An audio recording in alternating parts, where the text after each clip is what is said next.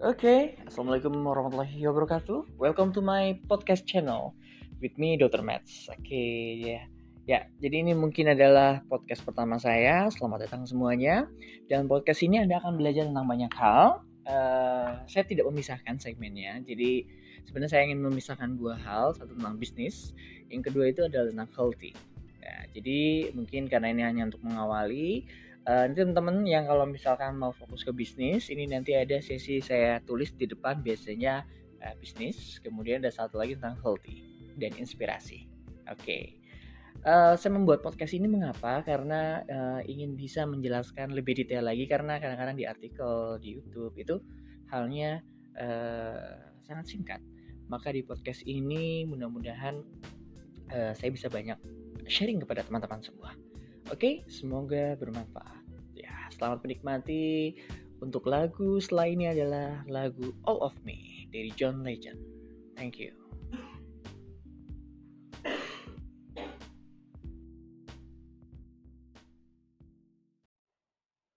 Oke, okay, welcome to my podcast channel. Yang pertama ini adalah tentang episode bisnis. Uh, judulnya adalah apa yang paling penting dalam hidup Anda? Mengapa Anda ingin membangun bisnis? Ya, Uh, ini sebuah kisah yang saya ambil dari buku yang judulnya Business Fun. Uh, saya belajar banyak uh, dari Coach Johannes. Ini kisah aslinya tentang Johnny di Kwetiao Man. Teman-teman bisa searching di YouTube ya. Oke. Okay. Alkisah ada sebuah cerita yang bernama Johnny di Kwetiao Man. Suatu hari Johnny ini merupakan uh, seorang yang pekerja keras. Dia sekarang uh, ingin apa ya? Ingin menghidupi keluarganya dan juga ingin belajar menjadi lebih baik, akhirnya dia merantau ke sebuah negeri. Dan dan alhasil uh, dia ada di tempat itu dan dia berpikir bagaimana caranya agar untuk bisa mendapatkan uang. Salah satunya dia melamar pekerjaan. Suatu hari dia melamar pekerjaan kepada sebuah restoran yang bernama Restoran Koase. Ini hanya sebuah kedai sederhana yang ada di samping trotoar dengan beberapa meja, ada tenda. Di situ ada lima orang karyawan, ada istrinya, kasir, kemudian karyawan yang lainnya. Mereka memiliki punya filosofi kehidupan yang sama. Ya sudah, kalau hidup mah ngeflow, ngeflow aja aja. Gimana nanti aja. Hidup ini mengalir aja. Dan uh, artinya mereka itu adalah orang-orang yang nggak akan bergerak kalau si koaseng ini nggak nyuruh-nyuruh. Sehingga kok asing ini lama-lama sangat hard eating alias makan hati. Dan sebaliknya, Johnny ini orang yang berbeda daripada yang lain. Johnny ini memiliki inisiatif yang tinggi. Dia itu seorang pekerja keras. Dia itu kreatif. Hingga alhasil Ko Aseng uh, setelah itu melihat ada potensi di Johnny ini. Kemudian dia memanggil Johnny.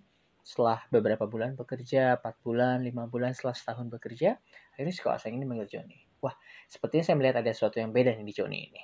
Di akhirnya dia manggil, John, kamu mau nggak uh, saya promosikin jadi koki ini dan naik posisi jadi manajer? Mau nggak? Oke, hasil tentu Johnny jawabnya, oh mau sekali kok. Nah, tapi janji ya, saya akan berikan rahasia membuat kue tiaw saya, tapi kamu nggak boleh memberitahukan ke orang lain. Dan juga kamu tidak boleh pindah ke kompetitor, apalagi buka restoran kue tiaw jadi kompetitor saya. Oke? Okay? Dan Johnny berjanji menandatangani surat perjanjian dengan Ko Aseng dan ternyata akhirnya mulai pelatihan pertama. Juni diajarkan oleh Ko Aseng, inilah rahasianya John. Saat Ko Aseng uh, mulai membuat kue tiaunya, sengko sengko seng, sengko sengko seng. Lalu dia mengepretkan kue tiaw yang ada di kuali hitam tersebut sambil berkata, ini rahasianya John. Kita nggak pernah pakai garam. Oh ternyata dia pakai keringat dan bau keteknya. Ko Aseng. dan ternyata itulah salah satu resep rahasia yang dia tularkan kepada Johnny. Oke, lama kelamaan ternyata Johnny sudah mulai biasa nih. Dan alhasil ternyata setelah Johnny yang menjadi kokinya makin lama customernya makin ramai. Dan kok Aseng ini makin lama makin jarang ke bisnisnya. Ya bisa pergi seharian penuh dan katanya sih jalan-jalan sama keluarganya. Kadang-kadang jalan seminggu lebih. Ya, dan Johnny tetap mulai memasak sebagai kokinya yang sudah mulai handal customer semakin banyak. Dan setiap kali kok asing ini jalan-jalan, dia pulang dan membawakan gantungan kunci lagi. Wah, sampai berpikir, Johnny berpikir, wah kayaknya enak nih kalau jadi pemilik bisnis kayak kok asing. bisa dapat uang banyak, sedangkan kalau karyawan ya gajinya sama. Syukur-syukur kalau ditambah insentif. Ya, tapi untungnya gaji masih naik setiap tahun walaupun nggak terlalu besar. Kayaknya jadi pemilik bisnis enak deh. Saya bisa jalan-jalan, ya. Dan juga saya nggak perlu masak-masak setiap hari. Oke. Okay. Uh, eh, dan akhirnya ya dan akhirnya uh, ini mulai memberanikan diri uh, berbicara kepada kuasa kok kayaknya saya mau pindah deh soalnya uh, kayaknya pengen deh buka bisnis baru waduh mendengar itu kok Aseng marah dan kenapa karena dia melanggar perjanjiannya akhirnya uh, kok Aseng ya sudah kalau kamu memang mau bersikeras oke okay, tapi kamu harus pindah ke kota lain akhirnya uh, Joni ini mulai uh, berencana pindah ke sana. Dan alhasil kasihan kok aseng. Akhirnya dia harus turun gunung lagi, kue tiaw lagi, goreng-goreng lagi, seng oseng oseng lagi. Dan akhirnya ternyata kok aseng berpikir bahwa bisnisnya itu sudah tidak profitable dan autopilot. Dia berpikir bahwa bisnisnya sudah autopilot. Artinya dia berpikir bahwa dengan jalan-jalan ternyata bisnisnya bisa jalan juga. Tapi ternyata ini adalah fake autopilot. Karena tidak mengandalkan sistem, tapi mengandalkan kepada satu orang saja. Nah, apakah bisa sampai saat ini? Jika ya, maka tobat. Oke. Nah, kisah ini terus berlanjut. Sehingga Johnny ini mulai naik kepada step berikutnya. Oke, dalam cerita ini pun uh, ini akan dijelaskan tentang step by step bagaimana sekolah tangga kehidupan. Dari yang awalnya dia adalah employee, seorang Johnny, dia mulai menaiki tangga yang kedua yaitu self-employed atau mempekerjakan diri sendiri. Akhirnya Johnny dan keluarganya, Jonah istrinya, uh, dia sudah memiliki cukup modal untuk bisnis sendiri dan dia mulai membangun bisnisnya. Mulai dari trotoar, mulai uh, beli meja, beli kursi, kemudian juga akhirnya dia mulai mulai bergerobak. Kemudian dia mulai berkeliling-keliling. Johnny Kwetiao Man, Johnny Kwetiao Man. Semua orang tahu kalau sebut Johnny Kwetiao Man itu sudah terkenal. Bahwa si Johnny ini sangat mahir sekali uh, dalam memasak kue tiao. Dan jangan lupa bagaimana rahasianya dengan cara mengepretkan pada lidah dan keteknya. Itulah Johnny di kue tiao man. Dan ternyata banyak sekali yang manggil customer uh, Joni hingga akhirnya pendapatnya semakin lama semakin bertambah, semakin lama semakin bertambah. Awalnya sih dia cuma sendiri dan setelah itu baru sadar bahwa uh, dia itu ingin mulai berubah. Wah, kayaknya saya harus mulai deh menambah karyawan. Dan juga karena uang sudah cukup lumayan, dia mulai menyewa ruko di dekat rumahnya. Karena dia berpikir, wah kalau saya begini terus, kayaknya kalau saya sakit saya nggak bisa dapat uang nih. Kalau selama saya bekerja saya bisa dapat duit. Hasil saya uh, harus berubah.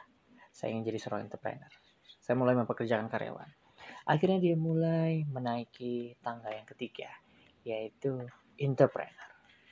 Nah ini harus ingat-ingat bahwa di entrepreneur ini ada tiga tahapan anak tangga tahapan yang pertama adalah bisnis operator bisnis manager dan bisnis owner oke saya akan jelaskan lagi ceritanya ya ya Akhirnya Johnny sudah mulai cukup modal, dia sudah mulai menyewa ruko, dan juga dia sudah mulai bisa membayar karyawan.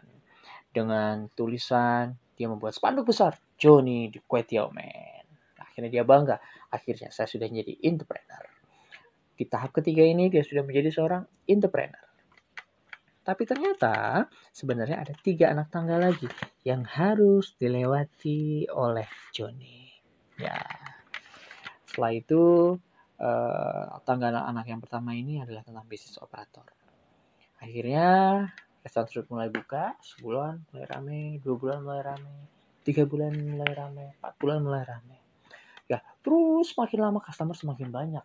Customer semakin antri karena memang sudah terkenal jadi di kue tiao man.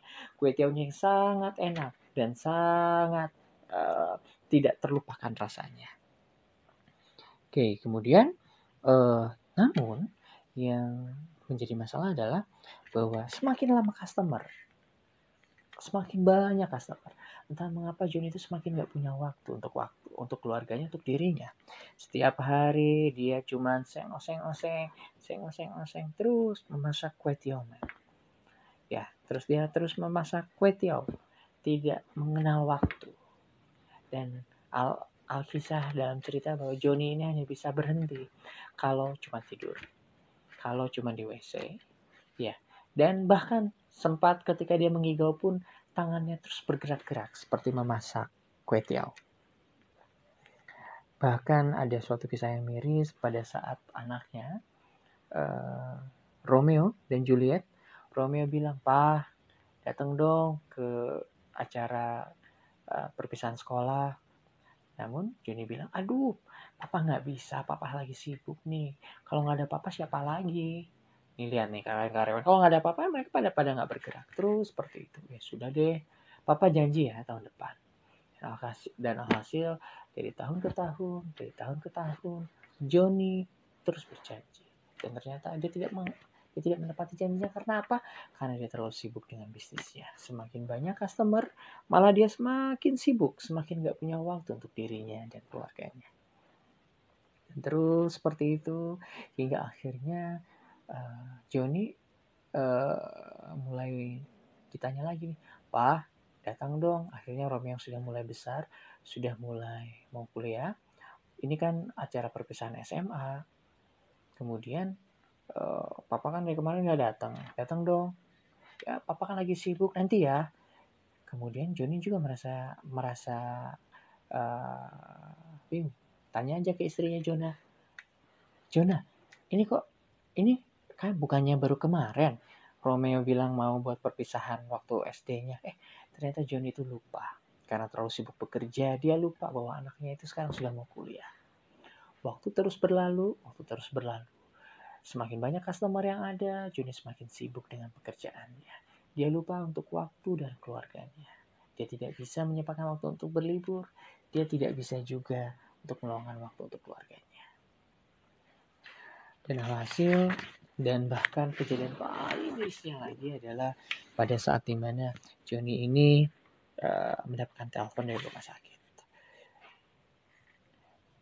Saat itu uh, dari pihak rumah sakit itu menelpon Selamat selamat siang.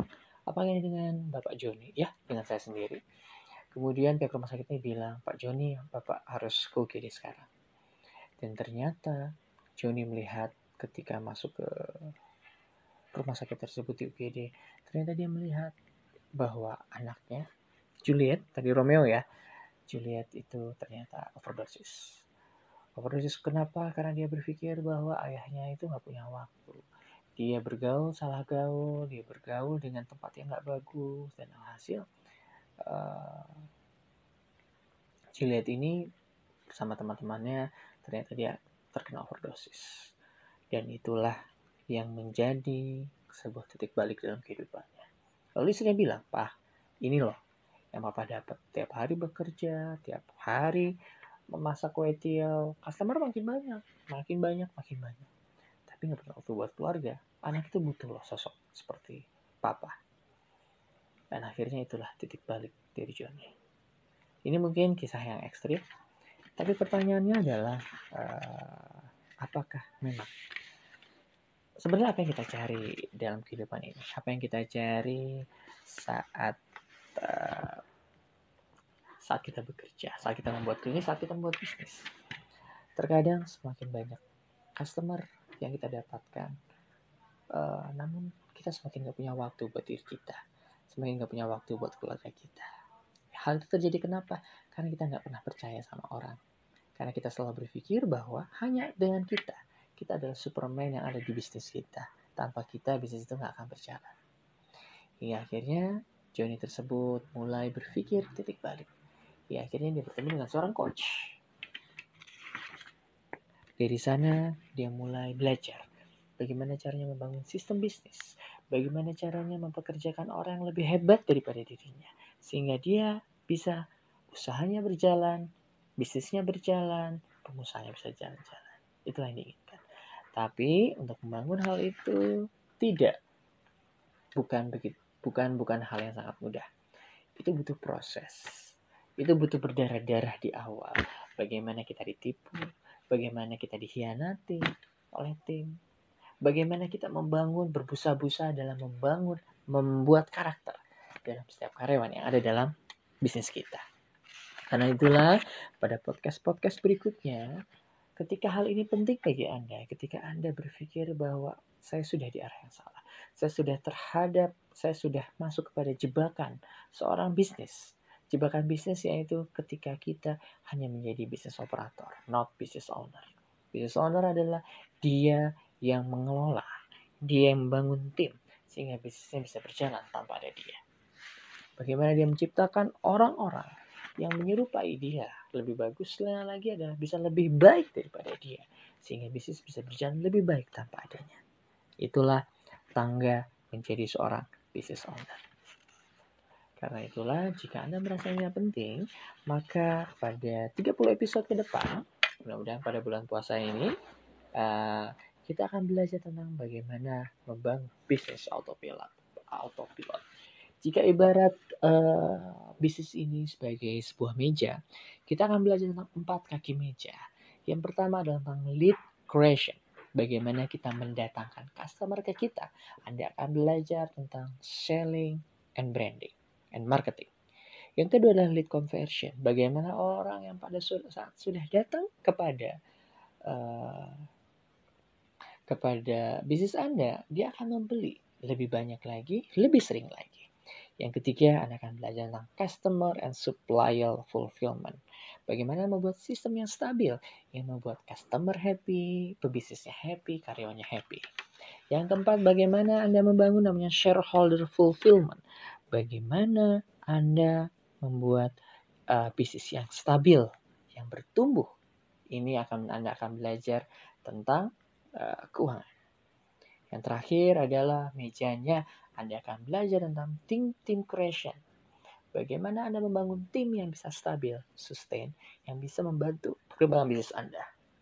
Namun, hal itu uh, harus ditunjang oleh kedua hal, kedua pilar bisnis. Yang pertama adalah personal foundation. Bagaimana mindset kita sebagai seorang entrepreneur. Dan yang terakhir adalah business foundation. Bagaimana uh, tiga bahan dasar utama untuk membangun bisnis yang sukses. Oke, semoga bermanfaat. Pada podcast-podcast berikutnya kita akan bahas satu persatu. Pada podcast selanjutnya kita akan belajar tentang lead creation. Ini akan saya akan bagi beberapa akan bagi kepada beberapa segmen.